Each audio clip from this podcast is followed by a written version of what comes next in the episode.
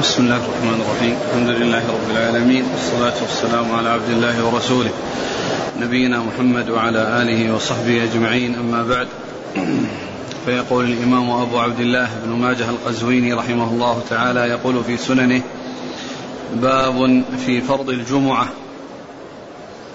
قال حدثنا محمد بن عبد الله بن نمير قال حدثنا الوليد بن بكير أبو خباب. نعم أبو. خباب وهو إيش؟ أبو جناب نعم. هكذا في أبو التقريب جناب أبو ها؟ جناب نعم ضبطها هكذا نعم نعم. قال حدثني عبد الله بن محمد العدوي عن علي بن زيد عن سعيد بن المسيب عن جابر بن عبد الله رضي الله عنهما أنه قال خطبنا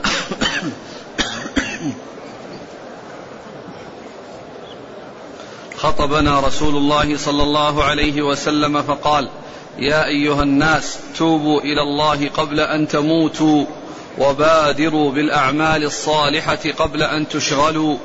وصلوا و وصلوا الذي بينكم وبين ربكم بكثرة ذكركم له وكثرة الصدقة في السر والعلانية. ترزقوا وتنصروا وتجبروا. واعلموا أن الله قد افترض عليكم الجمعة في مقامي هذا. في يومي هذا في شهري هذا من عامي هذا إلى يوم القيامة. فمن تركها في حياتي أو بعدي وله إمام عادل أو جائر استخفافا بها أو جحودا لها فلا جمع الله له شمله ولا بارك له في أمره ألا ولا صلاة له ولا زكاة له ولا حج له ولا صوم له ولا بر له حتى يتوب. فمن تاب تاب الله عليه. ألا لا تؤم ألا لا تؤمن امرأة رجلا ولا يؤم ولا يؤم أعرابي مهاجرا. ألا ولا يؤم فاجر مؤمنا إلا أن يقهره بسلطان يخاف سيفه وسوطه. بسم الله الرحمن الرحيم. الحمد لله رب العالمين وصلى الله وسلم وبارك على عبده ورسوله نبينا محمد وعلى آله وأصحابه أجمعين. أما بعد فيقول الإمام ابن ماجه رحمه الله باب في فرض الجمعة. الجمعة هي الفريضة في يوم الجمعة لأن الصلاة في كل يوم والليلة خمس مرات خمس صلوات في اليوم والليلة. وفي كل الأيام ما عدا يوم الجمعة الظهر وفي يوم الجمعة صلاة الجمعة الخاصة التي يتقدمها خطبتان. فإذا هي فرض اليوم في ذلك الوقت. وليس الظهر إلا لمن لمن لم تحصل منه الجمعة فإنه يصليها ظهرا ولا يصليها اثنتين على هيئة الجمعة. وإنما الجمعة لمن حضرها وأدركها. وأما من لم يحضرها فإن الواجب في حقه الظهر وليس الجمعة. وعلى هذا فإن ال- ال- ال- الصلوات المفروضة في اليوم والليلة خمس مرات وفي جميع الأيام إلا في يوم الجمعة فإن الفرض في يوم الجمعة أنها تصلى ركعتين مسبوقة بخطبتين. كما جاءت بذلك السنة عن رسول الله صلى الله عليه وسلم. وذكر ابن ماجه هذا الحديث الطويل الذي هو ضعيف وغير ثابت وفي ثلاثة ضعفاء يعني في إسناده. و إيش أوله؟ يقول يا أيها الناس توبوا إلى الله قبل أن تموتوا. توبوا إلى الله قبل أن تموتوا. الإنسان يب- يبادر بالتوبة قبل أن يفجأه الأجل وهو على غير توبة والتوبة تجب ما قبلها ومن تاب تاب الله عليه. فالإنسان إذا يتوب من- ذنوبه وإذا وقع منه ذنوب فإنه يبادر إلى التوبة منها وتكون التوبة على أساس أن الإقلاع عن الذنب بحيث يكف عنه وينتهي منه وأن يندم على مضى على ما مضى وأن يعقد العزم على ألا يعود إليه في المستقبل. وإن كان حقا وإن كان يتعلق بحقوق الناس فإنه يرد الحقوق إلى أهلها إن كانت مالية. وإن كانت تتعلق بعرض أو بكلام أو بذم أو ما إلى ذلك فإنه يستبيحهم عذرا. وإذا لم يحصل ذلك لأنه يخشى أن يترتب على ذلك مضرة إذا إذا إذا إذا طلب منهم المسامحة وأبدى لهم الذي قاله لهم في أن في نيله منهم فإنه يدعو لهم ويستغفر لهم ويذكرهم في الأماكن التي ذكرهم فيها بسوء يذكرهم بها يذكرهم بخير. الحاصل أن المبادرة إلى التوبة هذه مطلوبة. وأن الإنسان يبادر بها قبل أن يفجأه الأجل. ومن المعلوم أن الإنسان إذا لم يتب ومات غير تائب من ذنب وهو مرتكب له وهو من الكبائر دون الشرك فإن أمره إلى الله عز وجل. إن شاء عفى عن صاحبه وإن شاء عذبه. لأن الله تعالى يقول إن الله لا يغفر أن يشرك به ويغفر ما دون ذلك لمن يشاء. وهذا في حق من لم يتب. أما من تاب فإن الله تعالى يتوب على من تاب. يا أيها الناس توبوا إلى الله قبل قبل أن تموتوا. نعم. وبادروا بالأعمال الصالحة قبل أن تشغلوا. وبادروا بالأعمال الصالحة قبل أن تشغلوا. يعني ما دام الإنسان في صحة وعافية وعنده قدرة على أن يؤدي الأعمال الصالحة فإنه يبادر.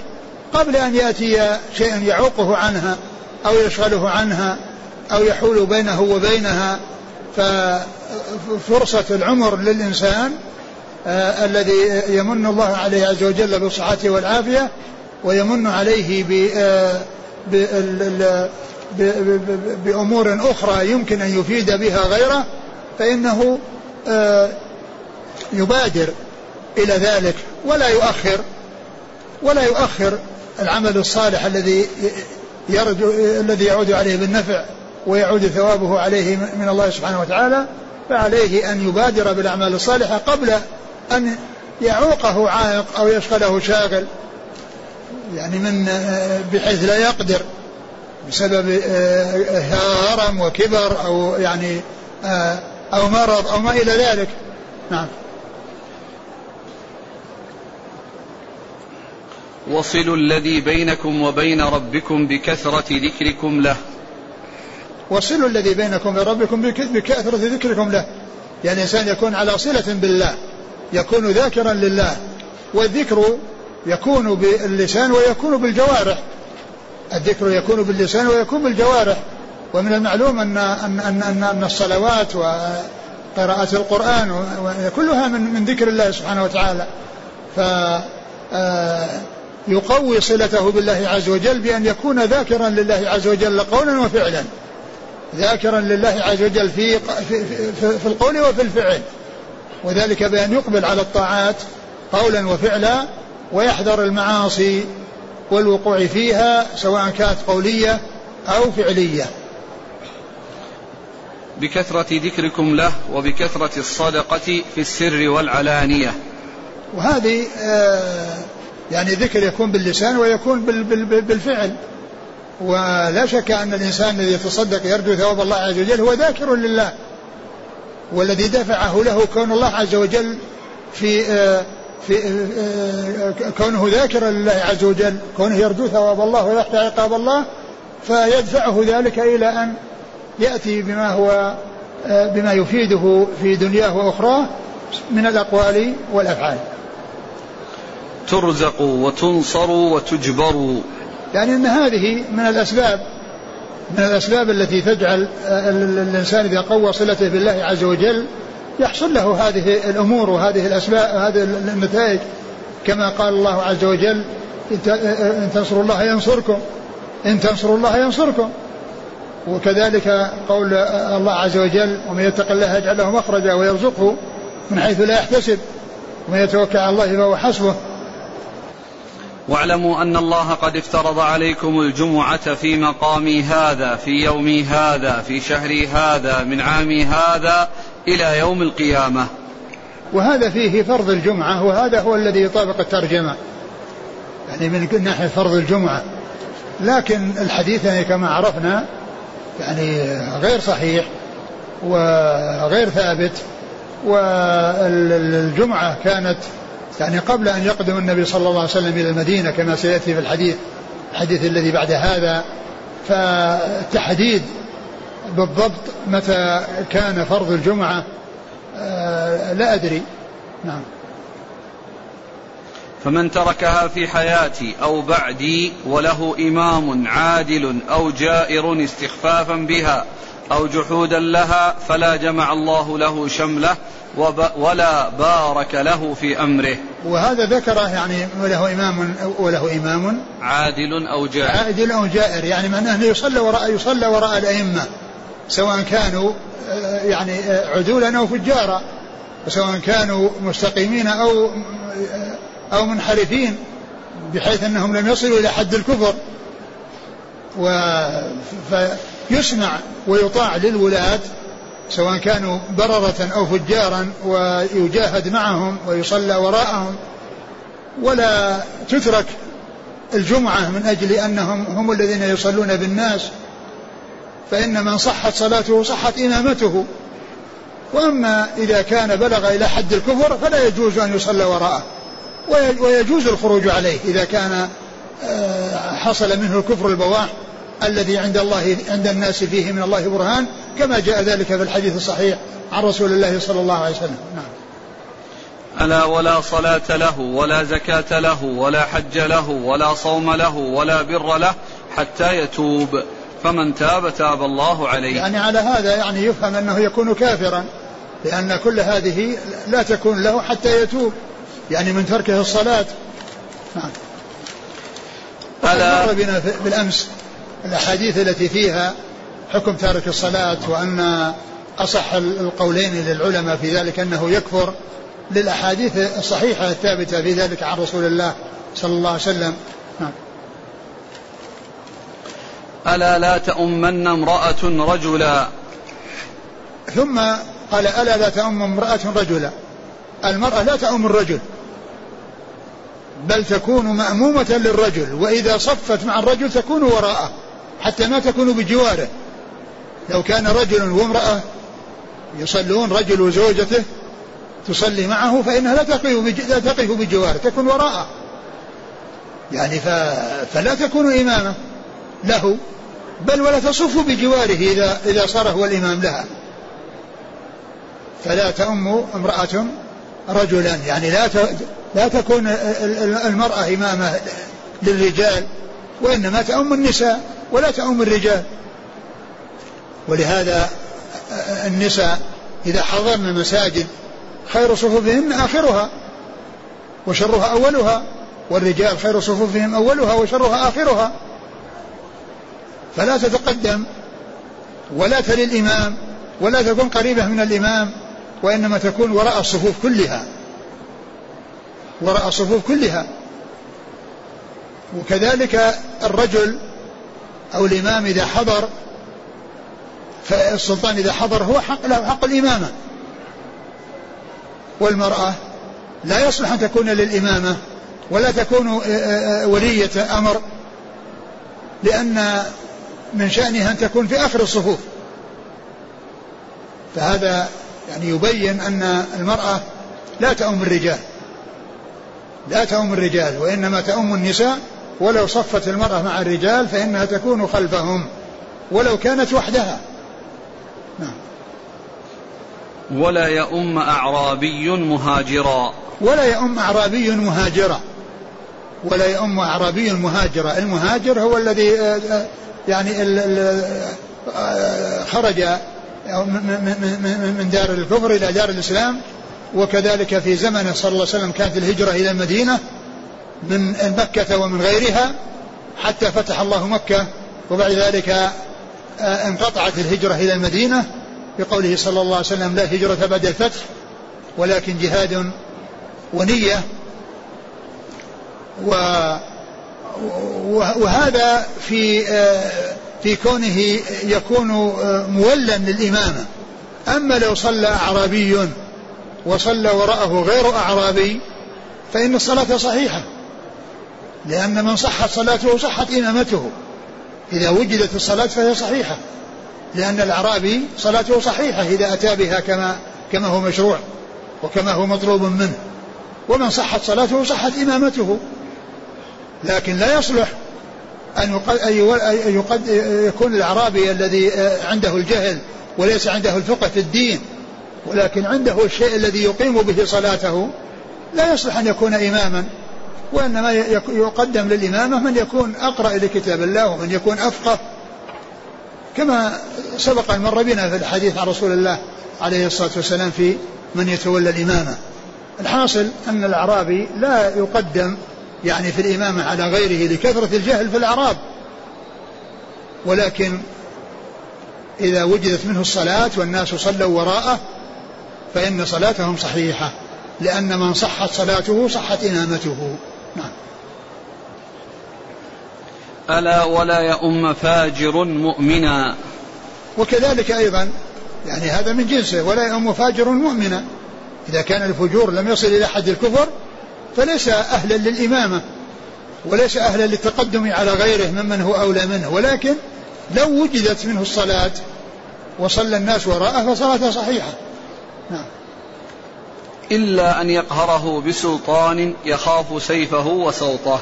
إلا أن يقهره بسلطان يعني معناه أنه يكون الفاجر يعني آه، ذا سلطان و وتقدم للإمامة. لا شك أنه حق الإمامة إذا كان السلطان لأن آه، السلطان هو الأحق بالإمامة. ولو كان عنده تقصير. ولو كان عنده شيء من التقصير. نعم. قال حدثنا محمد بن عبد الله بن نمير.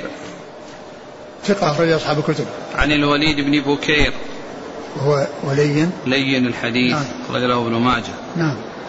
عن عبد الله بن محمد العدوي. هو متروك أخرج له. ابن ماجه. نعم. عن علي بن زيد. وهو ضعيف أخرج له. البخاري في المفرد ومسلم وأصحاب السنن نعم. عن سعيد بن المسيب. وهو ثقة أخرج أصحاب الكتب. عن جابر بن عبد الله. جابر بن عبد الله الأنصاري رضي الله عنهما أحد السبع المكثرين من حديث الرسول صلى الله عليه وسلم. هنا في قلنا في السند قال أبو خباب. اللي هو الأول. ها؟ الأول. الوليد بن بكير. نعم اللي هو الثاني. إيه. أيوه. في التقريب أه. يقول الوليد بن بكير بالتصغير. التميمي. أه. أبو جناب. أه. بفتح الجيم ثم نون. نعم. الكوفي لين الحديث من الثامنة. علق أه.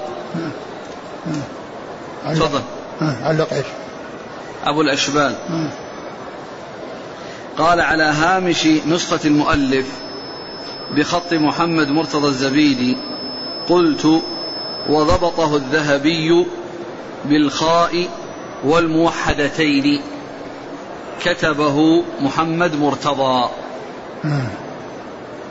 ما أدري عن صحة هذا لكن يمكن أيضا أنه يرجع لكتب المشتبه الكتب المؤتلف والمؤتلف اللي هي المشتبه. يعني مثل تفسير المنتبه وتحرير المشتبه ومثل المشتبه الذهبي وتفسير المنتبه لابن حجر وغيرها من الكتب التي آه، تعنى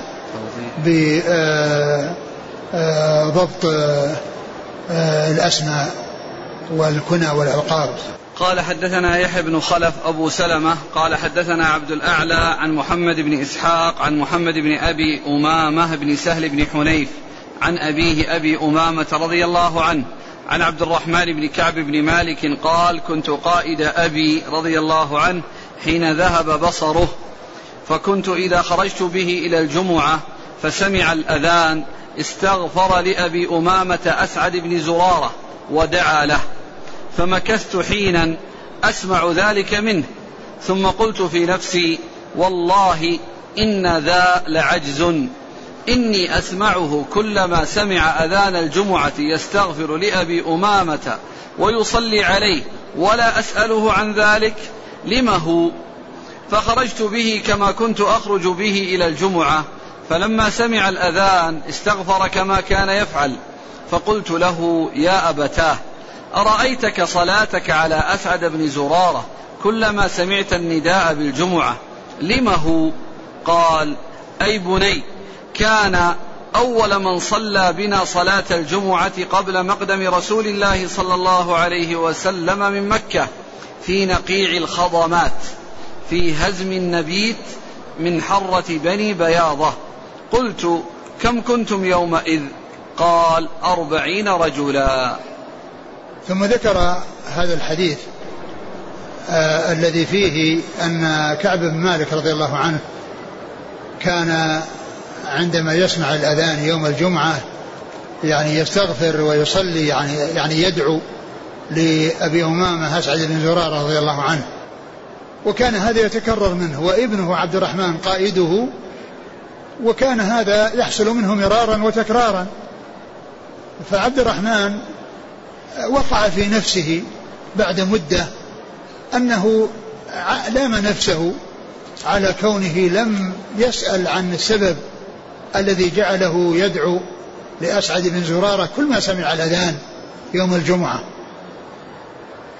لأن كما يقولون الشيء بالشيء يذكر لأنه عندما لأنه لما كان صلى بهم أول جمعة قبل مقدم النبي صلى الله عليه وسلم فكان عندما يسمع الأذان يذكر الجمعة وأول جمعة حصلت لهم والذي أمهم فيها وصلى بهم فيها فلام نفسه وقال إن هذا عجز.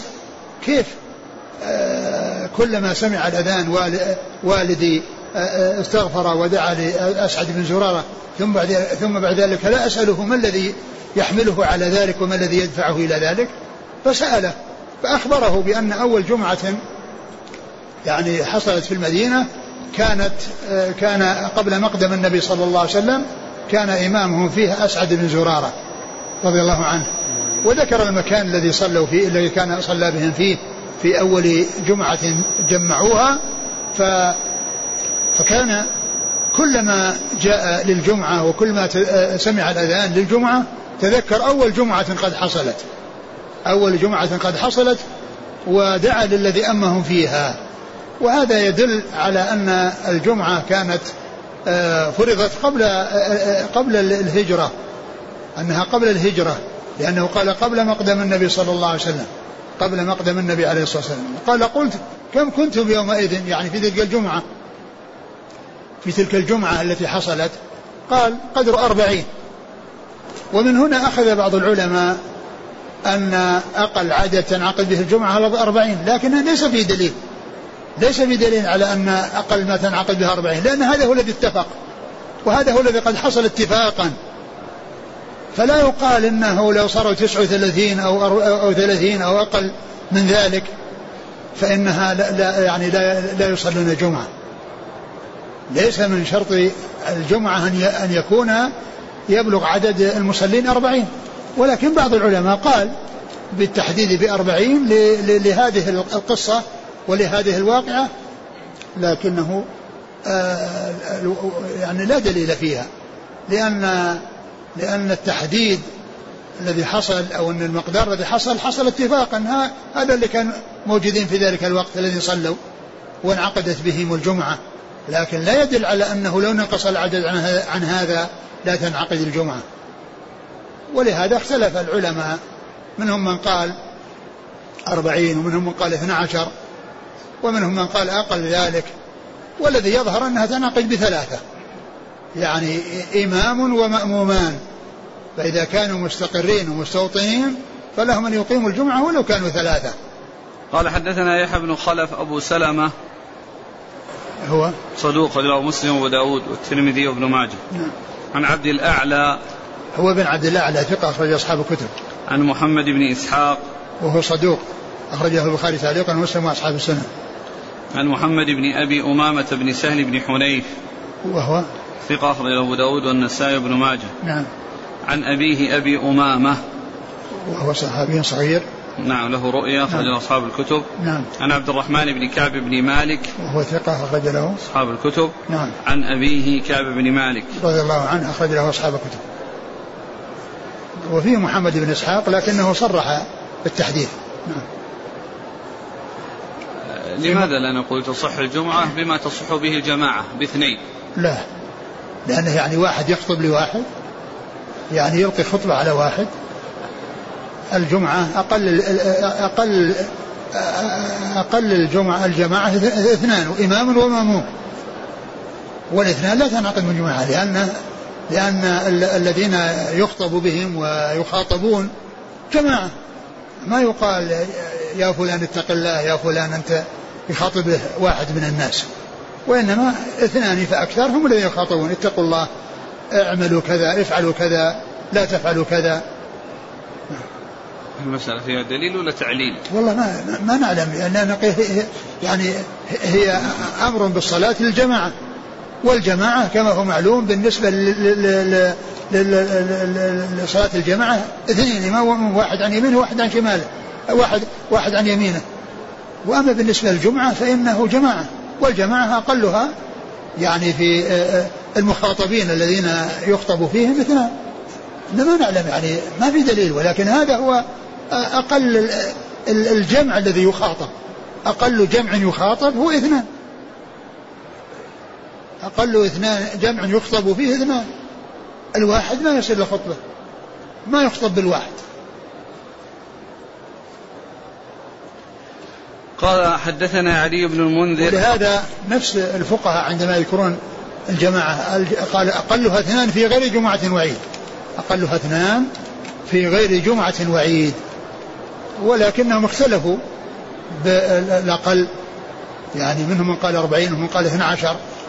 لأن الحديث الذي فيه أنهم يعني لما جاءت العير يعني والناس خرجوا وبقي 12 يعني في فضوا إليها وتركوك قائمة. يعني كانوا 12 يعني هذه اتفاقا الذي حصل اتفاق كله. لكن أقل شيء يخاطب ويكون عدد هو الاثنان. نعم. قال حدثنا علي بن المنذر قال حدثنا ابن فضيل قال حدثنا أبو مالك الأشجعي عن ربعي بن حراش عن حذيفة رضي الله عنه.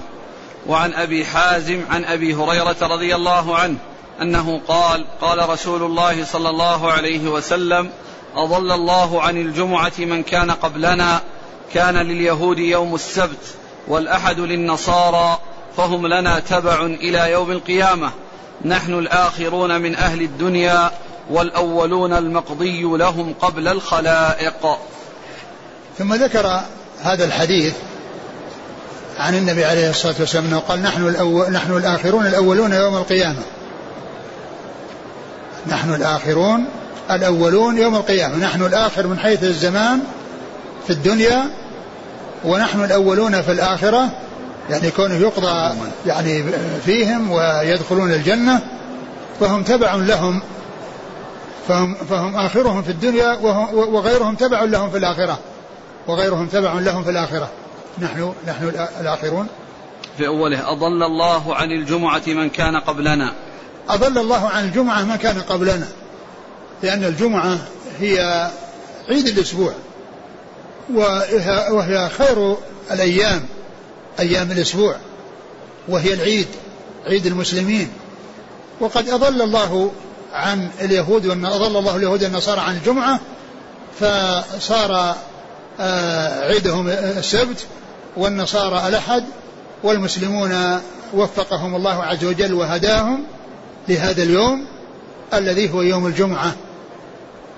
ف آه، أضل الله. ضل الله عن الجمعة من كان قبلنا. نعم. كان لليهود يوم السبت والأحد للنصارى. نعم. فهم لنا تبع إلى يوم القيامة. نعم فهم لنا تبع إلى يوم القيامة. يعني لأن لأن بعد بعثة الرسول صلى الله عليه وسلم نسخت الشرائع كلها. ومن كان موجودا على دينه فإن ما كان من حق فيه فإنه منسوخ وما كان من باطل محرف فإنه لا عبرة به ولا قيمة له. ولا يتعبد أحد بالتوراة والإنجيل بعد بعثة نبينا محمد صلى الله عليه وسلم. لأنها نسخت. مع أنها مشتملة على حق الحق والباطل وزيد فيها ونقص يعني فيها فيها نقص وفيها زيادة.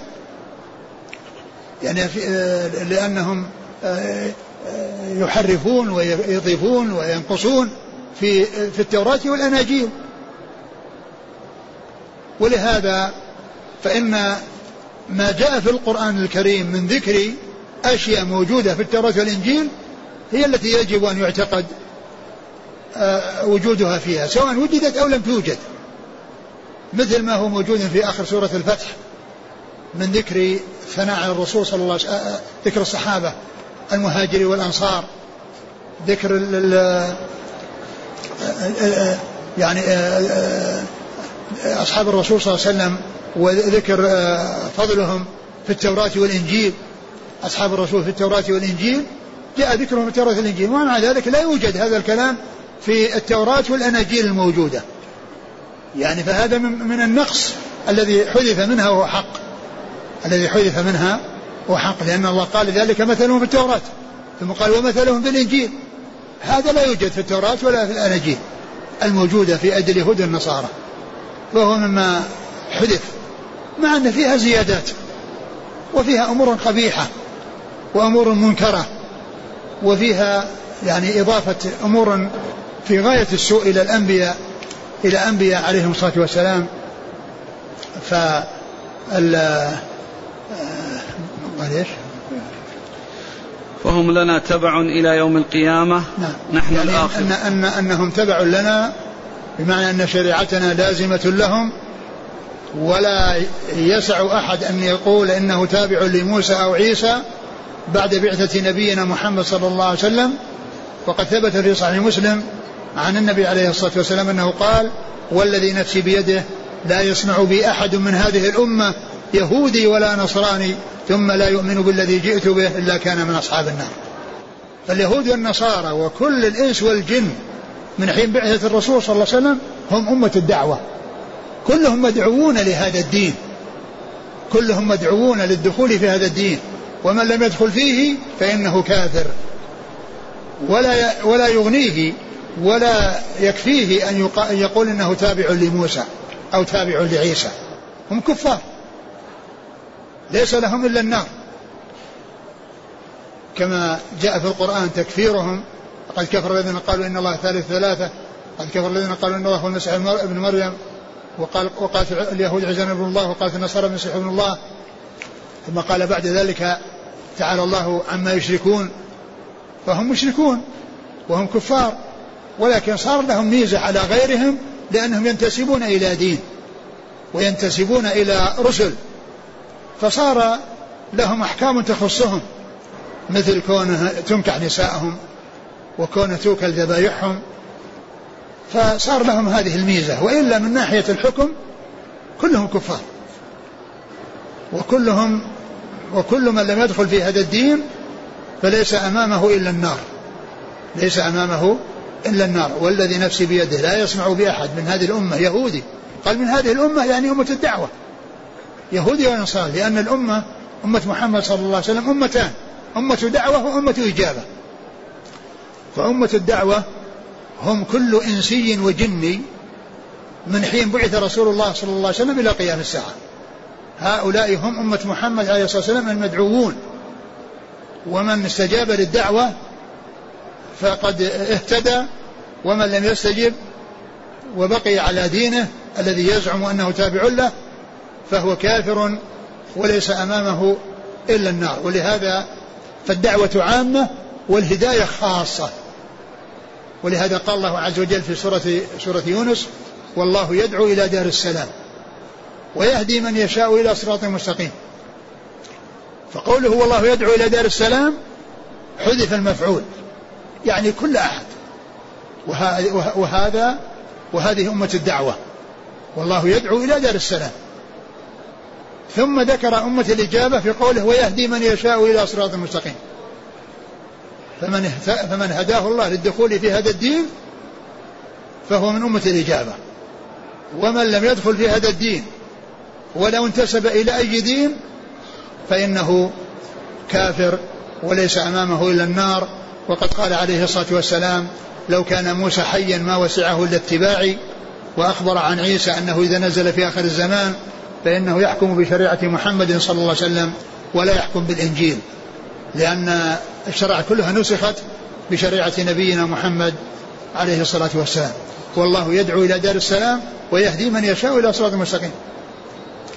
فاليهود والنصارى وغيرهم من من من سائر الجن والإنس كلهم من أمة محمد صلى الله عليه وسلم أمة الدعوة أي الدعوة موجهة إليهم. ولهذا أثبت الله عز وجل لنبيه الهداية ونفاها عنه والمنفي غير المثبت قال وإنك لتهدي إلى صراط مستقيم. يعني كل يعني هذه الدعوة موجهة له وهو مدعو إليها. ونفى عنه آه، آه، آه، الهداية إلى إلى الإسلام وإلى الدين حيث قال إنك لا تهدي من أحببت ولكن الله يهدي من يشاء. نعم. نحن الآخرون من أهل الدنيا والأولون المقضي لهم قبل الخلائق. نعم الأولون المقضي لهم قبل الخلائق. أنه يقضى يعني تحاسب هذه الأمة قبل غيرها من الأمم. نعم. قال حدثنا علي بن المنذر.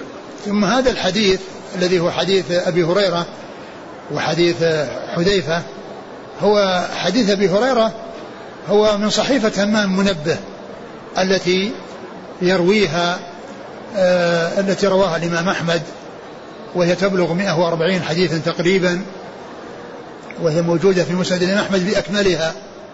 وبين كل حديث وحديث وقال رسول الله صلى الله عليه وسلم كذا وقال رسول الله جاء بالإسناد الأول وأول حديث فيه هو هذا الحديث. أول حديث في الصحيفة نحن الآخرون الأولون. نحن الآخرون الأولون. ثم بعد ذلك جاءت وقال وقال وقال وقال إلى مقدار 140 حديث تقريبا. لكن أول حديث فيها نحن الآخرون الأولون هذا. هذا أول حديث من الصحيفة.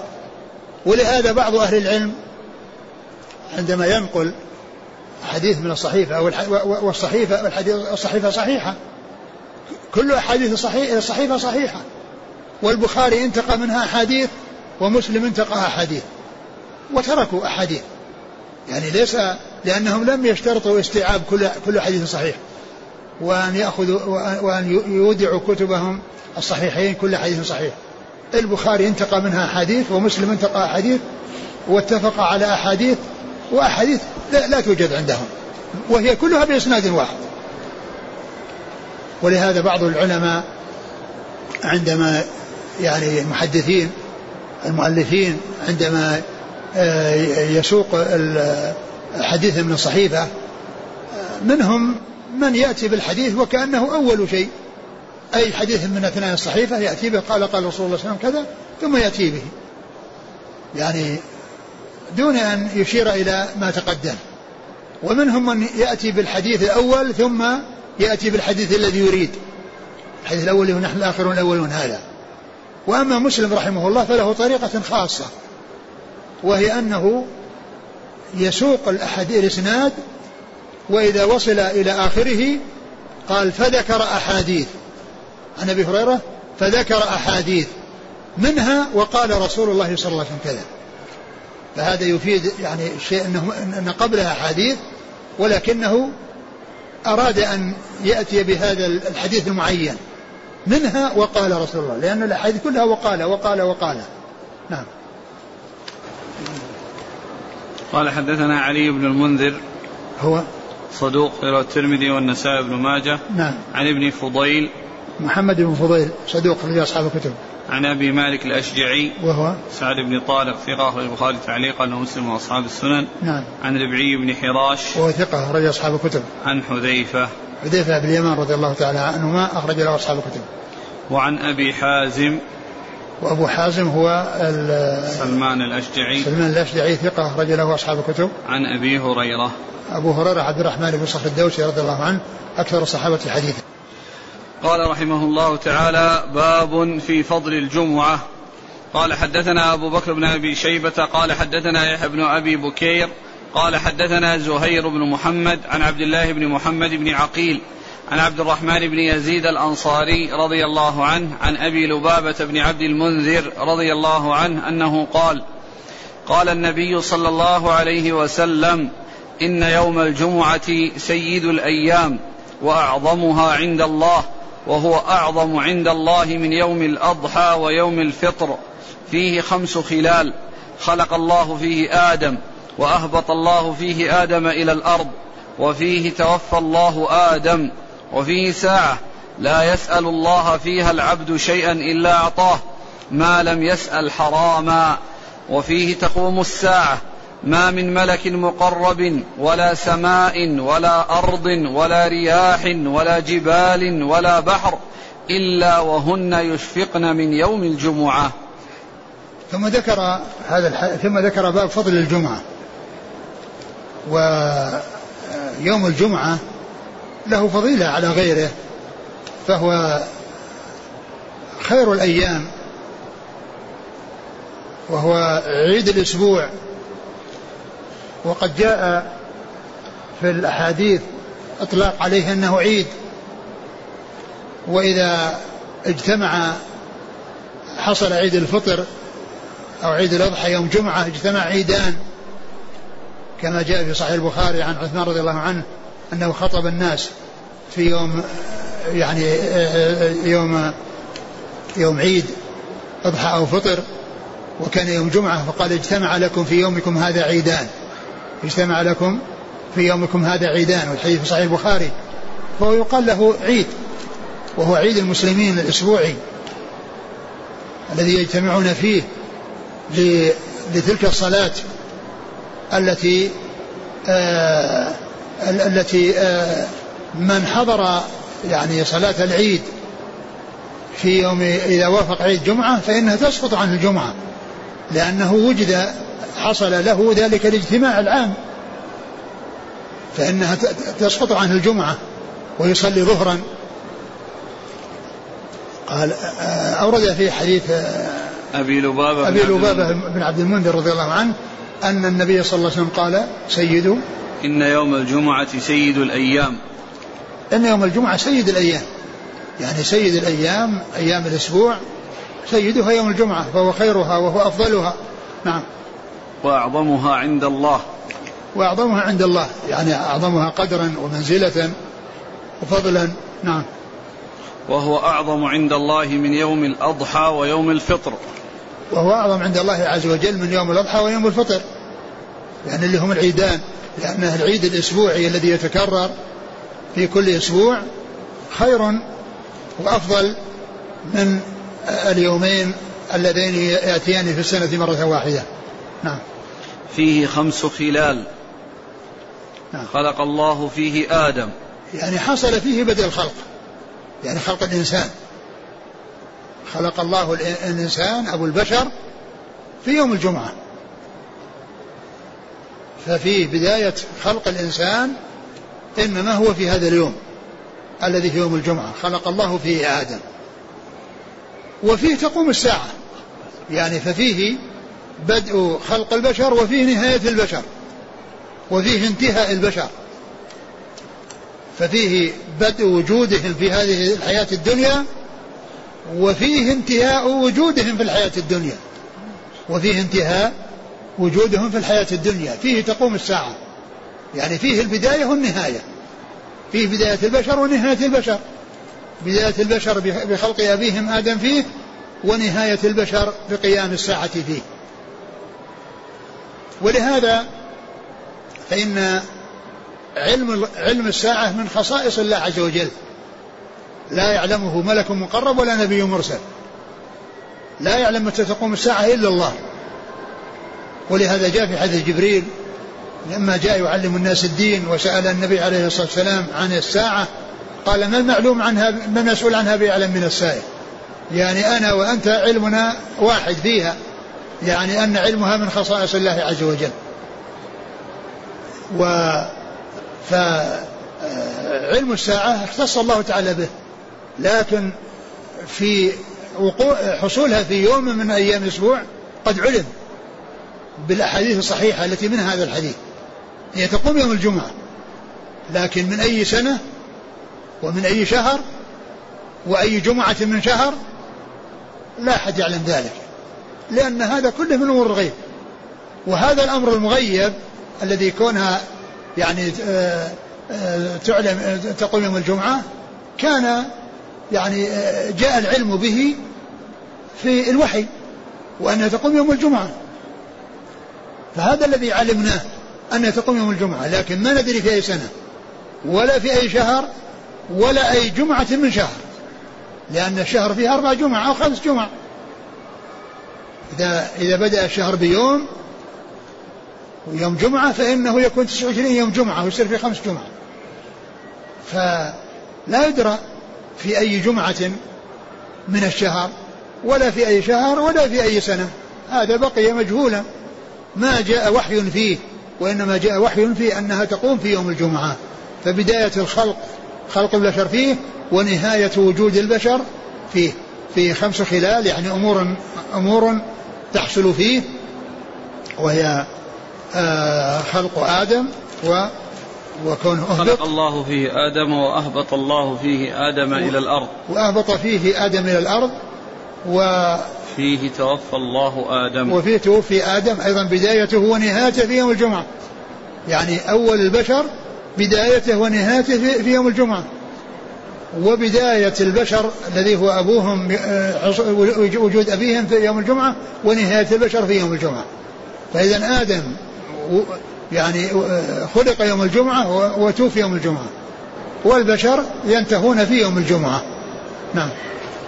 وفيه ساعة لا يسأل الله فيها العبد شيئا إلا أعطاه ما لم يسأل حراما. وفيه ساعة لا يسأل العبد ربه شيئا فيها إلا أعطاه إياه ما لم يسأل حراما.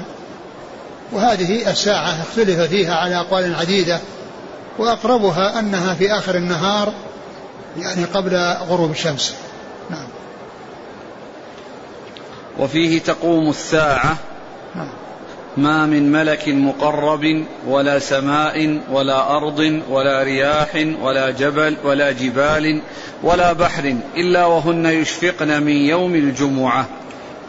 يعني لما ذكر أنها تقوم الساعة فيه ذكر أن غير الجن والإنس أنهم يعني آآ آآ آآ ذكر أن كل أن الملائكة وأن الجبال وأن يعني أصناف المخلوقات مشفقة في ذلك اليوم تخشى أن تقع فيه فيها الساعة. يعني من أجل قيام الساعة إشفاق من أجل أنه اليوم اللي تقوم فيه الساعة. اليوم الذي تقوم فيه الساعة. نعم. قال حدثنا أبو بكر بن أبي شيبة ثقة أخرج أصحاب الكتب إلا الترمذي. عن يحيى بن أبي بكير وهو؟ ثقة أخرج أصحاب الكتب. نعم. عن زهير بن محمد هو؟ ثقة أخرج أصحاب الكتب. نعم. عن عبد الله بن محمد بن عقيل وهو صدوق أخرج له. بخاري في المفرد وأبو داود والترمذي وابن ماجه. نعم. عن عبد الرحمن بن يزيد الأنصاري ولد في حياة النبي صلى الله عليه وسلم. أخرج له البخاري وأصحاب السنن. نعم. عن أبي لبابة بن عبد المنذر أخرج له. البخاري ومسلم وأبو داود وابن ماجه. نعم. على هذا هل فيه دليل على فضل من ولد أو مات يوم الجمعة؟ آه. لكونه ولد في أفضل الأيام. كما هو معلوم الفضل الفضل هو في العمل الصالح. إن أكرمكم عند الله أتقاكم. إن أكرمكم عند الله أتقاكم. ورد يعني في حديث يعني الجمعة فضل يوم يوم الجمعة ورد في حديث منهم من صححه ومنهم من ضعفه. لكن المهم في الأمر هو تقوى الله عز وجل وكون الإنسان يكون على على على استقامة وعلى تقوى لله سبحانه وتعالى وهذا هو الذي يعول عليه وهذا هو الذي يحرص عليه وإلا فقد يموت في يوم الجمعة ويولد في الجمعة من لا خير فيه.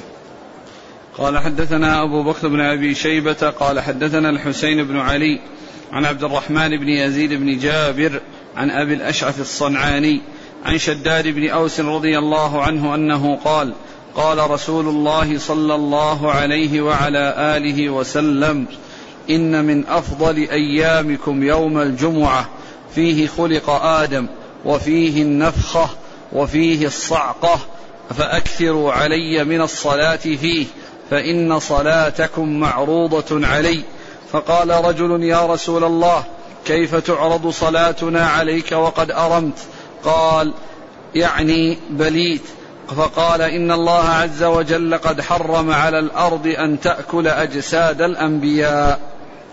ثم ذكر هذا الحديث عن شداد بن أوس رضي الله عنه أنه قال من خير أيامكم يوم الجمعة في خلق آدم وفيه النفخة وفيه الصعقة. النفخة يعني نفخ الصور الذي تقوم به الساعة. والصعقة آه، يعني كما هو معلوم يعني الصعق يعني يكون مع النفخ. وقد قيل إن النفخات ثلاث نفخة الصعق ونفخة الموت ونفخة البعث. فالنفخة التي بها تقوم الساعة يعني هي التي مرت في الحديث السابق وفيه وفيه تقوم الجمعة. وأما نفخة الصعق الذي جاء في بعض الأحاديث ان ان أن أنه يحصل صعقة آه، آه، نفخة يعني يحصل فيها يعني آه، انتباه الناس وأن حصل لها شيء إيش هذا الشيء؟ ثم بعد ذلك تحصل النفخة التي تقوم معها التي يحصل فيها الموت يحصل موت من كان حيا. وإذا كان المقصود بالصعق الذي هو الموت يعني الذي يكون نتيجة للنفخ فيكون تكون النفخة والصعقة يعني مؤداهما واحد. يعني هذه حصل فيها النفخ وحصل فيها الصعق الذي هو نتيجة للنفخ. الذي هو نتيجة للنفخ. ومعلوم أن أن الصعق الذي يكون نتيجة للنفخ الذي هي صعقة النفخة النفخة قصور النفخة الأولى يموت بها حيا من كان حيا فيصعق فيها كل من كان حيا فيكون الاثنين اجتمعا وجد النفخ ثم حصل الصعق وذلك في يوم واحد وهو يوم الجمعة. وفيه قال قال فيه خلق آدم وفيه النفخة وفيه الصعقة فأكثروا علي من الصلاة فيه فإن صلاتكم معروضة علي. فأكثروا علي من الصلاة فيه. وهذا يدل على فضل الإكثار من الصلاة والسلام على رسول الله عليه الصلاة والسلام في يوم الجمعة وليلة الجمعة وأن أن هذا من أجل الأعمال وأفضل الأعمال الصلاة والسلام على رسول الله صلوات الله وسلامه وبركاته عليه والإكثار منها يعني في ذلك اليوم لهذا الحديث الذي جاء عن رسول الله عليه الصلاة والسلام. قال فإن صلاتكم معروضة علي. فإن صلاتكم معروضة قالوا كيف تعرض عليك وقد أرمت يعني بليت. يعني وكانوا يعني يظنون أن أن التراب أو أن الأرض تأكل الجميع. لكن بين لهم عليه الصلاة والسلام في هذا الحديث أن الأرض لا تأكل أجساد الأنبياء. أن الأرض أن الله حرم على الأرض أن تأكل أجساد الأنبياء. فأجساد الأنبياء باقية في قبورهم كما هي لا تؤثر فيها الأرض ولا تفنى في الأرض ولا تظل في الأرض وإنما هي باقية أبقاها الله عز وجل وحفظها وسلمها من أن تأكلها أن تأكلها أن تأكلها الأرض. إن الله حرم على الأرض أن تأكل أجساد الأنبياء. أما غير الأنبياء فما فيه دليل يدل على أن الأرض لا تأكل أجسادهم وإنما النص صح في الأنبياء عليهم الصلاة والسلام. وقد وقد وجد أن بعض الصحابة بعد ستة أشهر الذي هو والد جابر بن عبد الله أنه كان قتل يوم يوم أحد ودفن وكاد أن يجترفه السيل فنبشوه من أجل يذهبوا به عن مكان السيل ووجدوه كما كان عندما دفن. لكن هذا لا يدل على أن الشهداء يبقون في قبورهم لا تأكلهم الأرض فقد تأكلهم وقد لا تأكلهم لأنه ما جاء وحي في ذلك. ولكن الواقع في هذه المدة حصل أنه وجد أن هذا الرجل من أصحاب الرسول صلى الله عليه وسلم لم تؤثر فيه الأرض شيئا وقد مضى على موته ستة أشهر. قال حدثنا أبو بكر بن أبي شيبة عن الحسين بن علي. هو؟ الجعفي ثقة رجل أصحاب الكتب. نعم. عن عبد الرحمن بن يزيد بن جابر. وهو؟ ثقة رجل أصحاب الكتب. نعم. عن أبي الأشعث الصنعاني. شراحيل بن آدة. وهو؟ آدة. أخرج له ثقة أخرج البخاري المفرد ومسلم وأصحاب السنن. نعم. عن شداد بن أوس. رضي الله عنه. أخرج له؟ أصحاب الكتب. نعم. قال البوصيري هكذا قال المصنف. وأخرج في, الجز في الجنائز عن أبي بكر بن أبي شيبة بهذا الإسناد عن أوس بن أوس بدل شداد بن أوس وهو الصواب. وكذا أخرجه أبو داود والترمذي والنسائي وابن حبان والحاكم من حديث الحسين بن علي الجعفي. يعني أنها أوس بن أوس. نعم. نعم هو الصواب. نعم. وسيأتي في الجنائز. نعم. قال حدثنا محرز بن سلمة العدني قال حدثنا عبد العزيز بن أبي حازم عن العلاء عن أبيه عن أبي هريرة رضي الله عنه أن رسول الله صلى الله عليه وعلى آله وسلم قال الجمعة إلى الجمعة كفارة ما بينهما ما لم تغش الكبائر. وهذا في فضل الجمعة. وقد قال صلى الله صلى الله عليه وسلم في هذا الحديث الجمعة إلى الجمعة كفارة لما بينهم ما لم تغش الكبائر. يعني معناه أن أن الصغائر هي التي تكفر. يعني بالعمل الصالح وهو الجمعة فإنها فإن الجمعة إذا أتي بها تكفر ما بينها وبين الجمعة التي سبقتها. ما لم تغش الكبائر. ولهذا وهذا يدل على أن الكبائر لا تكفرها الأعمال الصالحة وإنما يكفرها التوبة التوبة منها هي التي تكفرها. وأما كون الإنسان يأتي بالأعمال الصالحة كالجمعة أو الصلوات الخمس وهو مصر على كبيرة من الكبائر لا يقال إن إن تلك أو ذلك العمل الصالح كفر تلك الكبيرة التي هو آه، مصر عليها. نعم. قال حدثنا محرز بن سلمة العدني. هو صديق خرج له؟ ابن ماجه. عن عبد العزيز بن أبي حازم. هو صديق خرج أصحاب الكتب. عن العلاء. علاء بن عبد الرحمن الحرقي وهو صديق أخرجه البخاري في جزء القراءة ومسلم وأصحاب السنة. عن أبيه وهو ثقة. أخرجه البخاري في جزء القراءة ومسلم وأصحاب السنة. عن أبي هريرة. نعم. قال رحمه الله تعالى باب ما جاء في الغسل يوم الجمعة. قال حدثنا أبو بكر بن أبي شيبة قال حدثنا عبد الله بن المبارك عن الأوزاعي قال حدثنا حسان بن عطية قال حدثني أبو الأشعث قال حدثني أوس بن أوس الثقفي رضي الله عنه أنه قال سمعت النبي صلى الله عليه وسلم يقول من غسل يوم الجمعة واغتسل وبكر وابتكر ومشى ولم يركب ودنا من الإمام فاستمع ولم يلغ. كان له بكل خطوة عمل, عمل سنة أجر صيامها وقيامها. ثم ذكر باب الغسل يوم الجمعة. الجمعة يتجمل فيها بالاغتسال ولبس أحسن الثياب وكما جاء في هذا الحديث كما ذكر آه، هذا الحديث الذي فيه آه، ذكر الاغتسال يوم الجمعة. وأما التجمل فكذلك أيضا جاء في بعض الأحاديث ما يدل عليه. أنه يعني أقول جاء في بعض الأحاديث ما يدل عليه.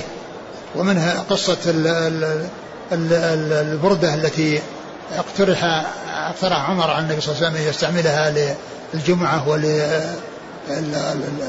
يعني للعيد. فلبس أحسن الثياب والاغتسال مطلوب وذلك ليكون الإنسان على أحسن هيئة وعلى أحسن صفة. فلا يأتي ومعه رائحة يعني كريهة يعني بسبب يعني عدم الاغتسال أو بثياب يعني رديئة مع قدرته على ما يتجمل فيه. فأورد هذا الحديث عن أوس بن أوس الثقفي رضي الله عنه قال من غسل من غسل يوم الجمعة واغتسل. وبكر وابتكر. وبكر وابتكر. قيل يعني في الفرق بين هاتين الكلمتين قيل إنهما متماثلتان ولكن الثانية مؤكدة للأولى مع اختلاف اللفظ مع اختلاف في اللفظ مع اتفاق المادة التي هي الحروف. التي هي كلها تتعلق بالغسل. وقيل إن آه، غسل يعني يعني إنه آه، تسبب في اغتسال غيره وهو يعني جماع أهله وأنهم يغتسلون بسببه فيكون غسل اغتسل بنفسه وغسل غيره أي جعل غيره يغتسل بسببه وفسر بأنه غسل يعني غسل رأسه لأنه يكون أكثر ويعني العناية به أكثر يعني من غيره واغتسل الذي هو يعني يكون لفظا عام. يعني ف فقيل فيه هذه الأقوال. وكذلك بكر وابتكر قيل إنه أيضا من باب التأكيد أنه من باب التأكيد مثل غسل واغتسل. يعني واحدة مؤكدة للأخرى. و ومشى ولم يركب. شوف الشارع وش قال على بكر وابتكر المعاني الأخرى. شوف غسل واغتسل وبكر وابتكر. قال روي مشددا ومخففا. قيل أي جامع امرأته قبل الخروج إلى الصلاة لأنه أغض للبصر في الطريق من غسل امرأته بالتشديد. والتخفيف إذا جامعها. وقيل أراد غسل غيره لأنه إذا جامعها أحوجها إلى الغسل. وقيل أراد غسل الأعضاء للوضوء. وقيل غسل رأسه كما في بعض الروايات. وأفرد بالذكر لما فيه من المؤنة لأجل الشعر أو لأنهم كانوا يجعلون فيه الدهن والخطمي. ونحوهما وكانوا يغتسلون. واغتسل أي للجمعة. وقيل هما بمعنى واحد والتكرار للتأكيد. وبكر المشهور التشديد وجوز تخفيفه. والمعنى أي أتى الصلاة أول وقتها وكل من أسرع إلى الشيء فقد بكر إليه. وابتكر أي أدرك أول الخطبة. وأول كل شيء باكورته وابتكر إذا أكل باكورة الفواكه وقيل هما بمعنى كرره للتأكيد. نعم. ومشى ولم يركب ودنا من الإمام. ومشى ولم يركب يعني فيكون المشي يعني فيه زيادة تعب وزيادة نصب وكما جاء في الحديث أجرك على قدر نصبك. ودنا من الإمام لأنه إذا كان مبكرا يحصل دنوه من الإمام وقربه من الإمام بخلاف من يأتي متأخرا فإنه يكون بعيدا عن الإمام وإذا كان قريبا من الإمام فإنه يستوعب الخطبة ويسمعها جيدا بخلاف من يأتي متأخرا وقد يكون المسجد آه، يعني كبيرا ولا يصل إليه الصوت قبل أن توجد هذه المكبرات للصوت يعني آه، فيكون في آه، التبكير يعني هذه الفوائد المتعددة. يعني ثم بعد ذلك الأجر العظيم الذي يكون لمجموع هذه الأشياء. قال ودنا من الإمام فاستمع ولم يلغو كان له بكل خطوة عمل سنة. ولم يلغو يعني ما حصل منه لغو. ومعلوم أن الإنسان عندما يخطب الخطيب فإنه يصغي إليه ويسمع. ولا يشتغل بشيء آخر. وعمله مثل عمل الصلاة. يعني فإنه لا يعني لا لا يرد السلام على أحد وإنما يعني ولا كذلك يعبث بشيء أو يلمس شيئا لأنه مثل الصلاة مثل حالة الصلاة. نعم. كان له, كان له بكل خطوة عمل سنة أجر صيامها وقيامها. وهذا ثواب عظيم وفضل كبير من الله سبحانه وتعالى يعني عمل قليل وعليه هذا الثواب الجزيل نعم قال حدثنا أبو بكر بن أبي شيبة عن عبد الله بن المبارك ثقة أخرج أصحاب الكتب. عن الأوزاعي. عبد الرحمن بن عمرو الأوزاعي ثقة أخرج أصحاب الكتب. عن حسان بن عطية. وهو ثقة أخرج له. أصحاب الكتب. نعم. عن أبي الأشعث عن أوس بن أوس الثقفي. رضي الله عنه أخرج له. أصحاب السنن. نعم. قال حدثنا محمد بن عبد الله بن نمير قال حدثنا عمر بن عبيد عن أبي إسحاق عن نافع عن ابن عمر رضي الله عنهما أنه قال سمعت النبي صلى الله عليه وسلم يقول على المنبر من أتى الجمعة فليغتسل ثم ذكر هذا الحديث عن ابن عمر رضي الله تعالى عنهما أنه سمع النبي صلى الله عليه وسلم وهو على المنبر يقول من أتى الجمعة فليغتسل يعني الإنسان عندما يريد أن يذهب إلى الجمعة يغتسل. قبل أن يذهب إليها وذلك لتذهب ما عندهم من روائح لا سيما أهل الأعمال الذين يكدحون ويتعبون وتتغير روائحهم بسبب, بسبب كثرة العمل والجهد الذي يحصل منهم فإنهم عند ذهابهم للجمعة فإنهم يغتسلون حتى يأتوا وليس معهم رائحة كريهة تؤذي الناس. وقد اختلف العلماء هل غسل الجمعة واجب أو أنه مستحب والجمهور على أنه مستحب ولكنه وقد جاء فيه ما يدل على ذلك من الأحاديث التي سيذكرها المصنف. نعم. قال حدثنا محمد بن عبد الله بن نمير نعم. عن عمر بن عبيد. هو الطنافسي وهو؟ صدوق إلى أصحاب الكتب. نعم. عن أبي إسحاق. وهو السبيعي عمرو بن عبد الله الهمداني ثقة أخرج أصحاب الكتب. عن نافع. مولى بن عمر ثقة أخرج أصحاب الكتب. عن ابن عمر. نعم. قال حدثنا سهل بن أبي سهل قال حدثنا سفيان بن عيينة عن صفوان بن سليم عن عطاء بن يسار عن أبي سعيد الخدري رضي الله عنه أن رسول الله صلى الله عليه وسلم قال غسل يوم الجمعة واجب على كل محتلم. ثم ذكر هذا الحديث غسل يوم الجمعة واجب على كل محتلم. يعني كل محتلم يعني بالغ اللي هو المكلف. لأن الغير المكلف يعني لا تجب عليه لا, لا تجب عليه الصلاة. ولكنه مطلوب مطلوب منه أن يأتي إليها وأن يتعود كما قال عليه الصلاة والسلام مروا أبناءكم بالصلاة وهم أبناء سبع واضربوهم عليها وهم أبناء عشر وفرقوا بينهم في المضاجع. فهذا يدل على تأكد يعني هذا الغسل الذي غسل الجمعة كما جاء في هذا الحديث وجمهور العلماء يحملونه على الاستحباب لوجود آه، آه، الذي صرفه وهو آه، ما سيأتي عند المصنف. نعم. قال حدثنا سهل بن أبي سهل هو؟ صدوق إلى ابن ماجه. نعم. عن سفيان بن عيينة. ثقة أخرج أصحاب الكتب. عن صفوان بن سليم. هو ثقة أخرج له. أصحاب الكتب. نعم. عن عطاء بن يسار. ثقة أخرج أصحاب الكتب. عن أبي سعيد الخدري. سعد بن مالك بن سنان. من أكثر الصحابة حديثا. والله تعالى أعلم. وصلى الله وسلم على عبده ورسوله نبينا محمد وعلى آله وأصحابه أجمعين. جزاكم الله خيرا. الله فيكم ألهمكم الله الصواب ووفقكم للحق ونفعنا الله ما سمعنا غفر الله لنا ولكم وللمسلمين أجمعين. سبحانك اللهم وبحمدك أشهد أن لا إله إلا أنت أستغفرك وأتوب إليك.